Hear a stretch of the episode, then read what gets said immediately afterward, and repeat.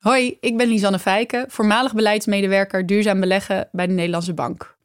Als beleggers meer aandacht hebben voor de financiële risico's van klimaatverandering, dan investeren ze vanzelf minder geld in fossiele bedrijven en dus meer in groen. Althans, dat is de theorie. De praktijk is weerbarstig. Want zolang de korte termijn regeert, blijft fossiel rendabel.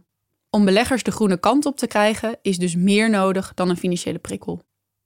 Oké, om klimaatverandering tegen te gaan is heel veel geld nodig. Voor de aanleg van windparken en zonnevelden, voor de ontwikkeling van nieuwe schone technologieën, voor nieuwe vormen van energieopslag, noem maar op.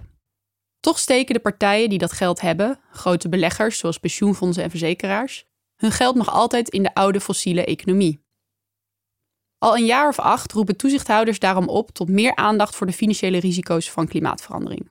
Als beleggers die risico's kennen en beter meewegen, zo is het idee, zullen ze vanzelf minder geld in fossiele bedrijven stoppen.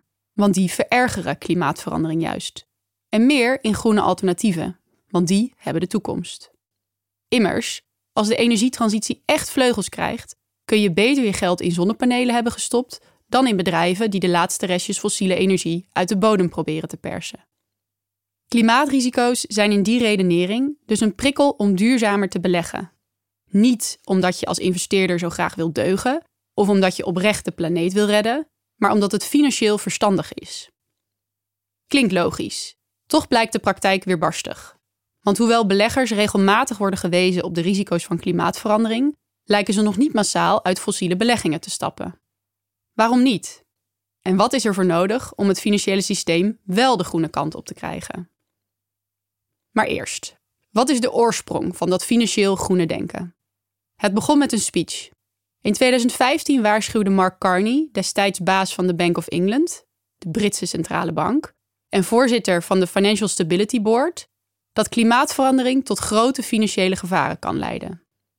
Maar, zei hij ook, de gevolgen zijn nog zo ver weg dat er nu geen prikkel is om het probleem aan te pakken.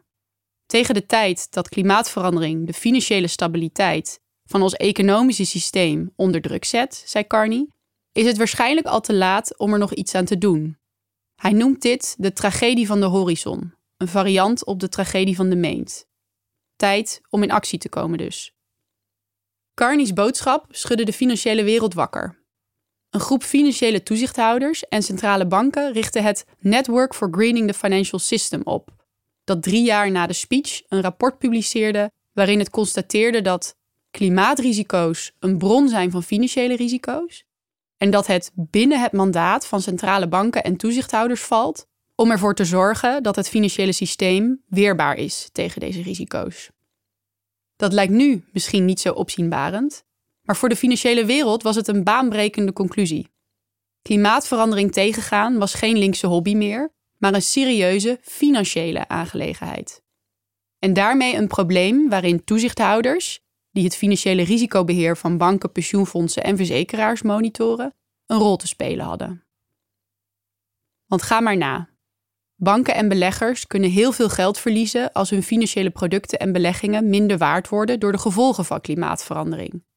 Hittegolven, stormen, overstromingen, droogte, verwoestijning, verzuring van oceanen en stijgende temperaturen en zeespiegels. Het zijn fysieke risico's die grote materiële en financiële schade kunnen opleveren voor overheden en bedrijven, en dus voor degenen die hen financieren. Daarnaast zagen de opstellers van het rapport zogeheten transitierisico's, die voortvloeien uit de overgang naar een groenere economie. Komt de overheid bijvoorbeeld ineens met een hele zware CO2-heffing voor bedrijven, of duikt er een radicale nieuwe CO2-arme technologie op, waardoor fossiele energie veel sneller dan verwacht overbodig wordt, dan heeft dat mogelijk grote financiële gevolgen.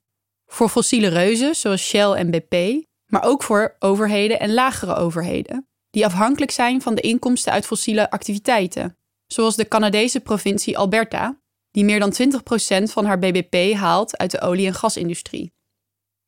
Kortom, klimaatverandering zelf en de overgang naar een duurzame economie leveren financiële risico's op waar banken en beleggers rekening mee moeten houden. Precies zoals ze dat ook al doen met andere financiële risico's, zoals kredietrisico en renterisico.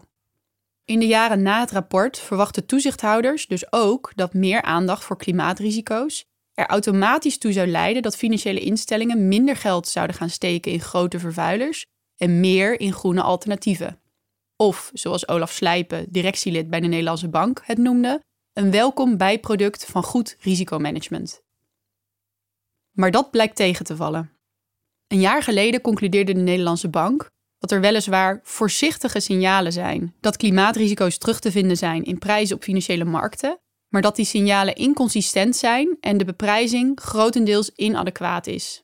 Academici, internationale instellingen en marktpartijen, ze denken vrijwel allemaal dat financiële markten klimaatrisico's onvoldoende inprijzen, schrijft DNB. In normale mensentaal, beleggers trekken hun beleggingen nog niet massaal terug uit vervuilende bedrijven. Dus om terug te komen op de vraag uit het begin, hoe kan dit? Als toezichthouders beleggers constant wijzen op de risico's van klimaatverandering. Daarvoor zijn drie mogelijke verklaringen. De eerste. De korte termijn regeert. Klimaatverandering is voor de klimaatricobewuste belegger alleen relevant als hij er geld door verliest. Het gaat immers om de risico's voor die belegger.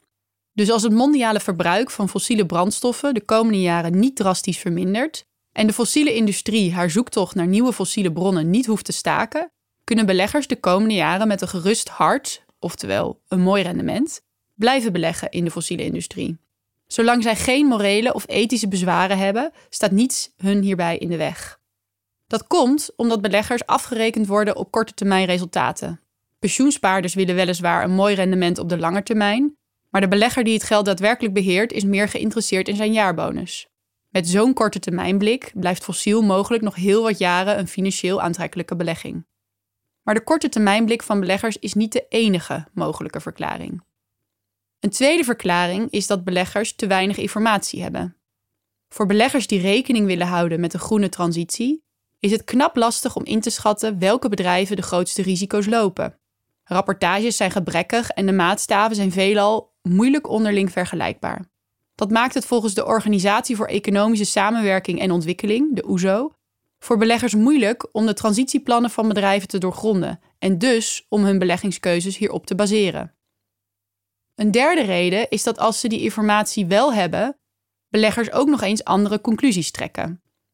De een kijkt alleen naar klimaatrisico's, denk aan extreem weer, overstromingen, droogte of de invoering van een zware CO2-heffing.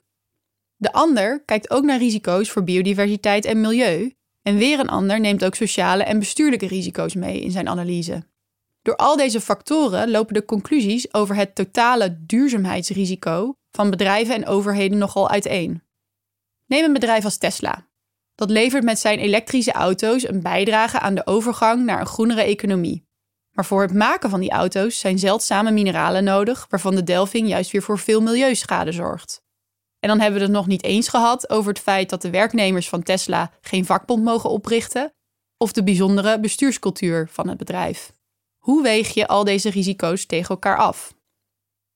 En alsof dat niet al lastig genoeg is, blijkt de volgende stap ook nog niet zo vanzelfsprekend. Wat doe je met dit oordeel? Haal je al je geld weg of alleen een beetje? Of blijf je aandeelhouder en probeer je juist via de aandeelhoudersvergadering invloed uit te oefenen? Maar stel, Stel dat bovenstaande problemen verholpen worden en dat klimaatrisico's het geld van beleggers massaal een andere kant uitsturen. Dan doemt er een heel ander probleem op. Want dit pakt niet alleen nadelig uit voor grote fossiele bedrijven en overheden, maar ook voor landen en bedrijven die nu al kwetsbaar zijn voor klimaatverandering.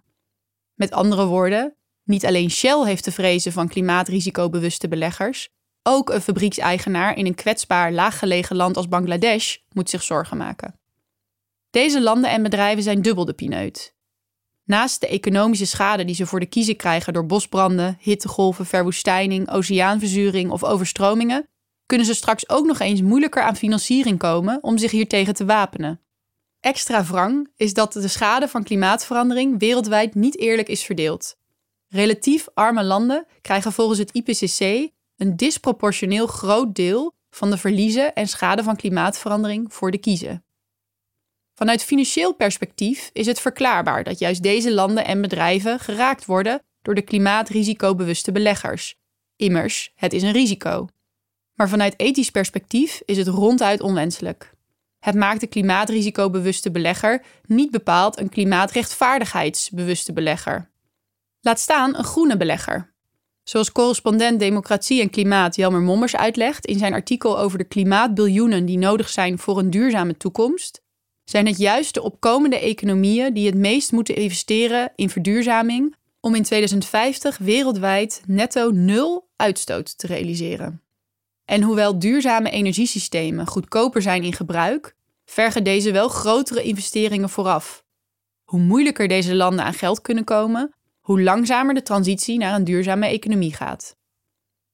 Goed, draagt aandacht voor klimaatrisico's dan helemaal niets bij aan de overgang naar een groene economie? Nou, het kan wel. Klimaatrisico's maken inzichtelijk hoe klimaatverandering voor grote maatschappelijke, economische en financiële malaise kan zorgen als we nu niet handelen.